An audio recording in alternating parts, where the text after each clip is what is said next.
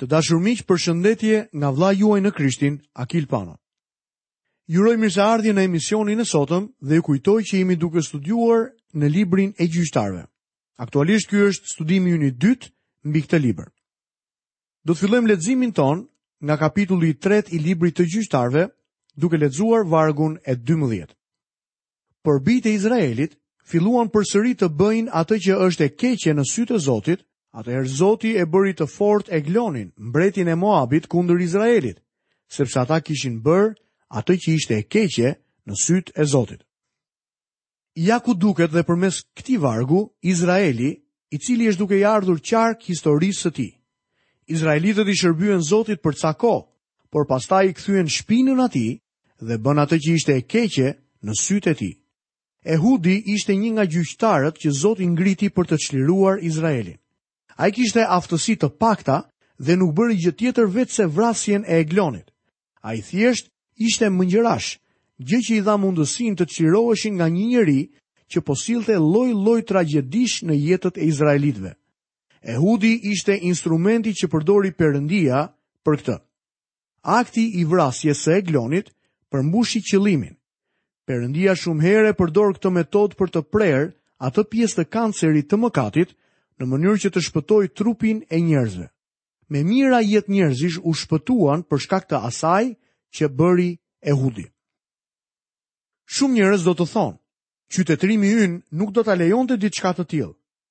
Askush nuk mund ta thotë këtë me sinqeritet, sepse ne ishim ata që hodhëm bombën atomike që vrau burra dhe gra dhe fëmijë, vijon autori i këtij studimi në këtë material. Lufta është e tmerrshme. Avantazhi i vetëm i Ehudit ishte të qenit mëngjërash. Miqtë e mi, nuk ka pse të kemi aftësi të jashtëzakonshme për t'u përdorur nga Zoti. A e mbani mend William Kerin?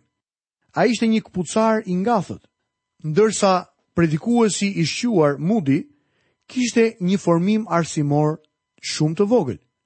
Një miku im më dha një kasetë magnetofoni të regjistruar me zërin e tij. Ai kishte një zë të mrekullueshëm. Nuk do ta kisha lidhur kurrë një zë të tillë me pamjen e tij. Edhe pse nuk kishte shumë arsim, ai kishte një zë të fuqishëm.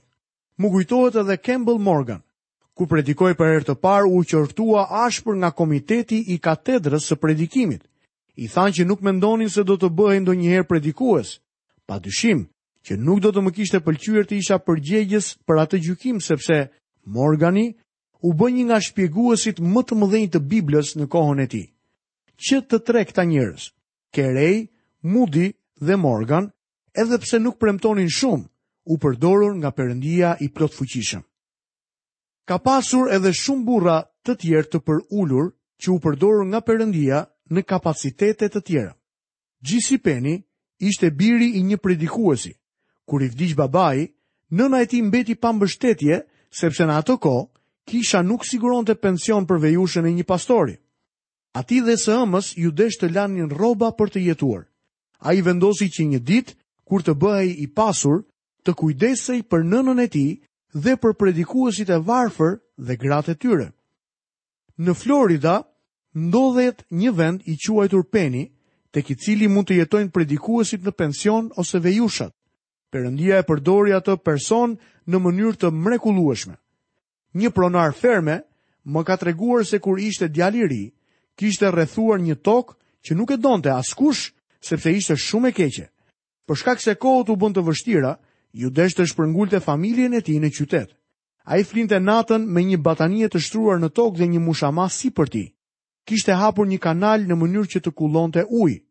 Tha, Njerëzit mendojnë se isha me fat që ajo tokë pati naftë, por në fakt, unë i isha lutur Zotit se nëse do të më siguronte para, do t'i përdorja për të.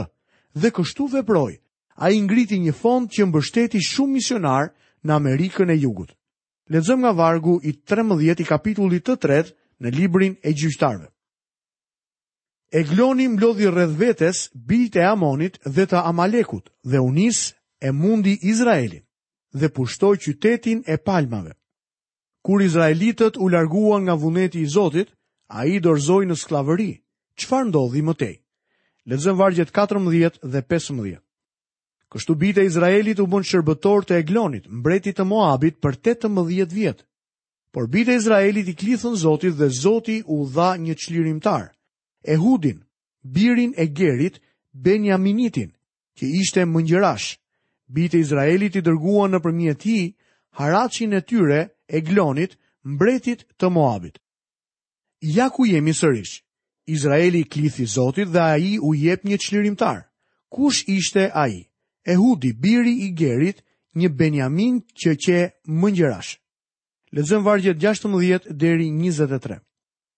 Ehudi bëri një shpatë me dy tehe, të gjatë një kubit, e ngjeshi në brez poshtë veshjes në krahun e djathtë. Pastaj e çoi haraçin Eglonit, mbretit të Moabit, që ishte një njeri shumë i trashë.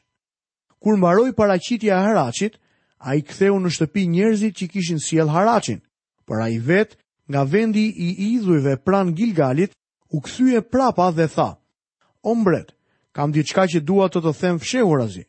Mbreti i tha, Heshni, dhe të gjithë ata që e shoqëronin dolën jashtë. Atëherë Ehudi iu afrua mbretit, që ishte ulur vetëm në fresk në sallën lart. Ehudi i tha, Kam një fjalë për të të thënë nga ana e Zotit. Kështu mbreti u ngrit nga froni i tij. Atëherë Ehudi zgjati dorën e majtë, nxori shpatën nga krahu i djathtë dhe ia futi në bark. dhe doreza e shpatës u fut pas presës dhe dhjami u mbyll pas presës, sepse ai nuk e tërhoqi shpatën nga barku i mbretit dhe zorrët i dolën jashtë. Pastaj Ehudi doli në portik dhe mbylli me çelës dyert e sallës së sipërme. Ngjarja ishte shumë brutale. Sigurisht që këtu mungon heroizmi dhe romantizmi. Emri i tij do të thotë flokëkuqi dhe ai ishte mëngjarash. Ai bëri një shpatë me dy tehe dhe e vendosi nën rroba në anën e tij të djathtë. Ai ishte mëngjarash dhe për të nxjerrë shpatën, duhet ta vendoste në anën e tij të djathtë. Në atë kohë pothuajse të gjithë i kryenin punët me dorën e djathtë dhe për të parë nëse një njeri ishte i armatosur apo jo, kontrollonin në anën e majtë. Agjentët e shërbimit sekret të mbretit Eglon e kontrolluan Ehudin në anën e gabuar. Ai siguroi hyrjen duke sjellë një dhuratë që me shumë mundësi mund të ishte haraçi. Egloni ishte një mbret shumë i shëndoshë. Pasi Ehudi i dha dhuratën, ai pretendoi se kishte për t'i thënë një sekret. Mbreti i nxori të gjithë të tjerët jashtë dhomës, duke menduar se do të dëgjonte një mesazh shumë sekret, por në vend të kësaj pritej të ndodhte një gjakderdhje. Në një moment të favorshëm, Ehudi nxori shpatën dhe ia nguli mbretit. Akti i Ehudit nuk ishte aspak një akt prej frikacaku. Duhet kurajo për të bërë çfarë Ehudi bëri. Lexojmë nga vargu 24 dhe 25. Kur doli, erdhën shërbëtorët për të parë, dhe ja, dyert e sallës së sipërme ishin mbyllur me çelës. Kështu ata thanë, me siguri, ai bën nevojën e tij në dhomëzën e sallës së freskët. Dhe pritën aq sa e ndien veten të shushatur, por duke qenë se nuk po hapeshin portat e sallës, morën çelësin dhe e hapën. Dhe ja zotëria e tyre rrinte shtrirë në tokë, ai kishte vdekur. Shërbëtorët e Eglonit, mbretit të Moabit, pritën jashtë derës së mbretit. Ata panë se dyert e sallës së sipërme ishin mbyllur dhe menduan se mbreti po flinte. Ata nuk donin ta shqetësonin. Menduan që nuk do të kalonte shumë kohë dhe ai do të zgjohej. Ata pritën shumë sa më në fund u shqetësuan çfarë kishte ndodhur. Më në fund hapën derën dhe gjetën Eglonin të vdekur. Lexojmë vargun e 26. Ndërsa ata ngurronin, Ehudi pati kohë të ikte, kaloi matanë vendit të idhujve dhe shpëtoi duke arritur në Seira. Gjatë gjithë kohës që shërbëtorët po prisnin që mbreti të zgjohej, Ehudi pati mundësinë që të largohej. Ai e la vendin e Moabit dhe shkoi në një vend tjetër të quajtur Seira, ku ata nuk mund ta gjenin dot. Lexojmë vargjet 27 deri në vargun 30. Me të arritur i ra borisë në krahinën malore të Efraimit, dhe bijtë e Izraelit zbritën bashkë me të nga krahina malore dhe ai u vu në krye të tyre. Dhe u tha, ejani pas meje sepse Zoti ju ka dhënë në dorë Moabitët armiq të tuaj, Ata zbritën pas tij, zunë vatë e Jordanit që çojnë në Moab dhe nuk lanë të kalojë asnjeri. Në atë kohë mundën rreth 10.000 Moabitë, të gjithë të fortë dhe trima, nuk shpëtoi as edhe një. Kështu atë ditë Moabi u poshtërua nga dora e Izraelit dhe vendi pati paqe 80 vjet me radhë. Le të shohim gjyqtarin tjetër të quajtur Shamgar. Ky ishte gjyqtari i tretë. Njëlloj si në kohën e gjyqtarëve, Perëndia përdor ende njerëz të zakonshëm që duan të përdoren për të përmbushur qëllimin e tij të madh. Miku im, Perëndia mund të të përdorë nëse dëshiron të përdoresh prej tij. Tani këtu do të na shfaqet gjyqtari i tretë i quajtur Shamgar. Lexojmë nga vargu i 31. Mbas Ehudit, erdhi Shamgari, biri i Anathit. Ai mundi 600 filistenj me një hosten qesh dhe e çliroi Izraelin. Në këtë rast nuk është njeriu i veçantë, por metoda e tij.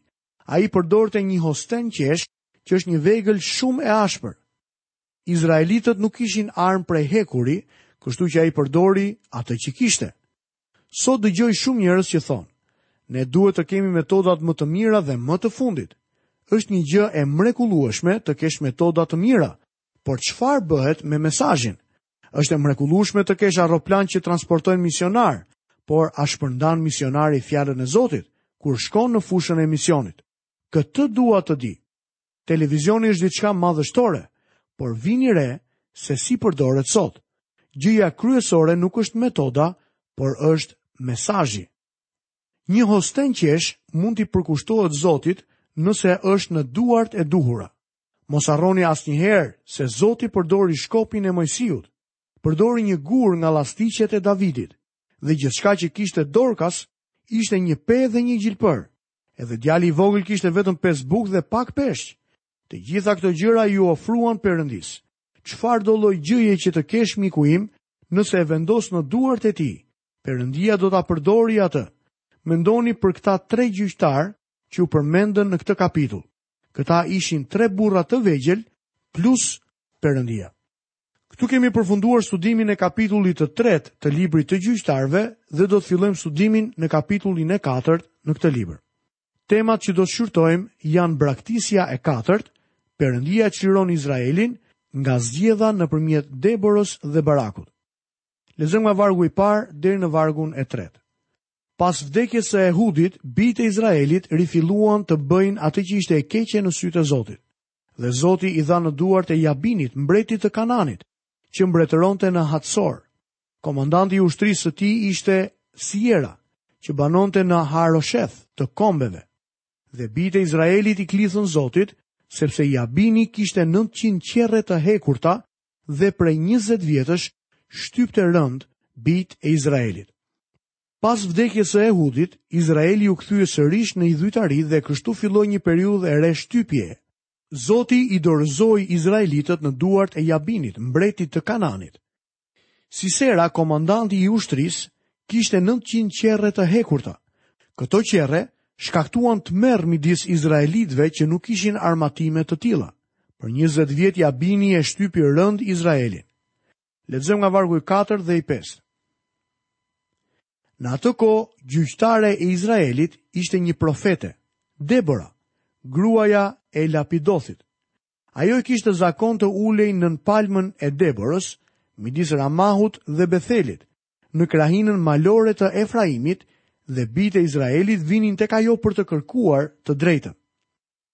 Ja ku kemi një nënë në Izrael, Debora, e cila përshkruhet si profeteshë dhe gjyqtare.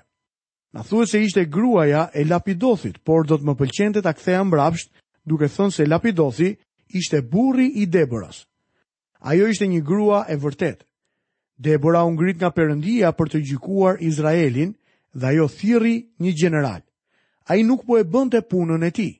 Ai duhet të dilte kundra armiqve në mënyrë që Izraeli të çlirohej nga skllavëria. Lexojmë vargjet 6 deri në vargun 8. Ajo dërgoi të thërrasë Barakun, birin e Abinoamit, nga Kedeshi i Neftalit dhe i tha: A nuk të ka urdhëruar Zoti Perëndia e Izraelit? Shko, marsho mbi malin Tabor dhe merr me vete 10000 burra nga bijtë e Neftalit dhe të Zabulonit, Unë do të tërheq në drejtimin tënd në përruan Kishon Siseran, komandantin e ushtrisë së Jabinit me gjithë qerret dhe trupat e tij të shumta dhe do të ta dorëzoj në dorën tënde. Baraku iu përgjigj. Në rast se vjen me mua, unë do të shkoj, por në qoftë se ti nuk vjen me mua, unë nuk kam për të shkuar. Nëse ekzistonte ndonjë gjeneral që rrinte si pulë e lagur, ky ishte Baraku. Ai duhet të ishte në mes të betejës, por ja që po fshihej pas fustanit të një gruaje. Baraku nuk donte të shkonte në betejë sepse ndihej i pafuqishëm përballë armikut. Dhe nëse Debora nuk shkonte me të, ai nuk do të shkonte. Nëse kjo profeteshë do të shkonte me të, ai mendonte se do të ishte i suksesshëm në betejë. Mos u habisni. Perëndisë iu desh të përdorte një grua gjatë asaj kohe. Lexojmë vargun e nëntë. Ajo tha, do të vij me siguri me ty, megjithatë në rrugën që je duke ndërmarrë, nuk ke për të siguruar asnjë lavdi për vete, sepse Zoti do ta dorëzojë Siseran në duart e një gruaje. Pastaj Debora u ngrit dhe shkoi me Barakun në Kadesh. Debora i premtoi Barakut të shkonte me të, por i tha se heroina e betejës do të ishte një grua. Debora ishte një grua e çiltër e cila, siç do ta shohim, kërkon liri për popullin e saj. Baraku thirri ushtrinë e tij dhe ata u bënë gati për të dalë kundër armiqve. Perëndia u dha atyre fitore. Lexojmë vargun e 16. Por Baraku i ndoqi qerret dhe ushtrinë deri në Harosheth të kombeve. Dhe tërë ushtria e Siseras u shkatërrua nga goditjet me shpatë, nuk shpëtoi as edhe një njeri. Izraelitët e asgjësuan ushtrinë armike. Lexojmë vargjet 17 deri 21. Ndërkaq Sisera kishte ikur më këmbë në drejtim të çadrës së Jaelës, gruas së Heberit Keneut, sepse mbretëronte paqja midis Jabinit, mbretit të Hatsorit dhe shtëpisë së Heberit Keneut. Atëherë Jaela doli për të pritur Siseran dhe i tha, Hyr zotëria im, hyr tek unë, mos ki frikë. Kështu ai hyri tek ajo çadër dhe ajo e mbuloi me një mbulesë. Pastaj ai i tha, Më jep pak ujë për të pirë se kam etje. Kështu ajo hapi calikun e qumështit dhe i dha për të pirë, pastaj e mbuloi. Ai i tha, Qëndro në hyrje të çadrës dhe në rast se vjen dikush dhe të pyet, A ka njeri këtu? Ti do të thuash, Nuk ka njeri. Atëherë Jaela, gruaja e Heberit, mori një kunj të çadrës dhe një çekiç, iu afrua ngadalë dhe ia nguli në tëmth që u fut në tokë. Atë e kishte zënë një gjumë i thellë, ishte i sfilitur dhe kështu vdiq. Meqenëse e gjithë ushtria e tij u shkatërrua, dëshira kryesore e Siserës ishte të shpëtonte së fundmi jetën e tij. Me sa duket kananejtë nuk i ngacmonin kenitët dhe Sisera besoi se do të ishte i sigurt në mes të këtyre njerëzve. Ai shkoi në shtëpinë e Heberit dhe gruaja e tij Jaela i ofroi ushtarit të lodhur mikpritje. Dashamirësia e saj e bëri të besonte se mund të kishte besim tek ajo. Kur shkoi të flinte, ajo mori një kunj të çadrës dhe një çekiç dhe ia nguli në tëmth të kokës. Ajo u çlirua prej tij. Kjo solli një çlirim të madh edhe për Izraelin. Të dashur miq, këtu kemi përfunduar emisionin e sotëm. Nga vëllai juaj në Krishtin Akil Pano, paçi të gjitha bekimet e Perëndisë dhe paqen e tij në jetën tuaj. Bashkë mirë u dëgjofshim në emisionin e ardhshëm.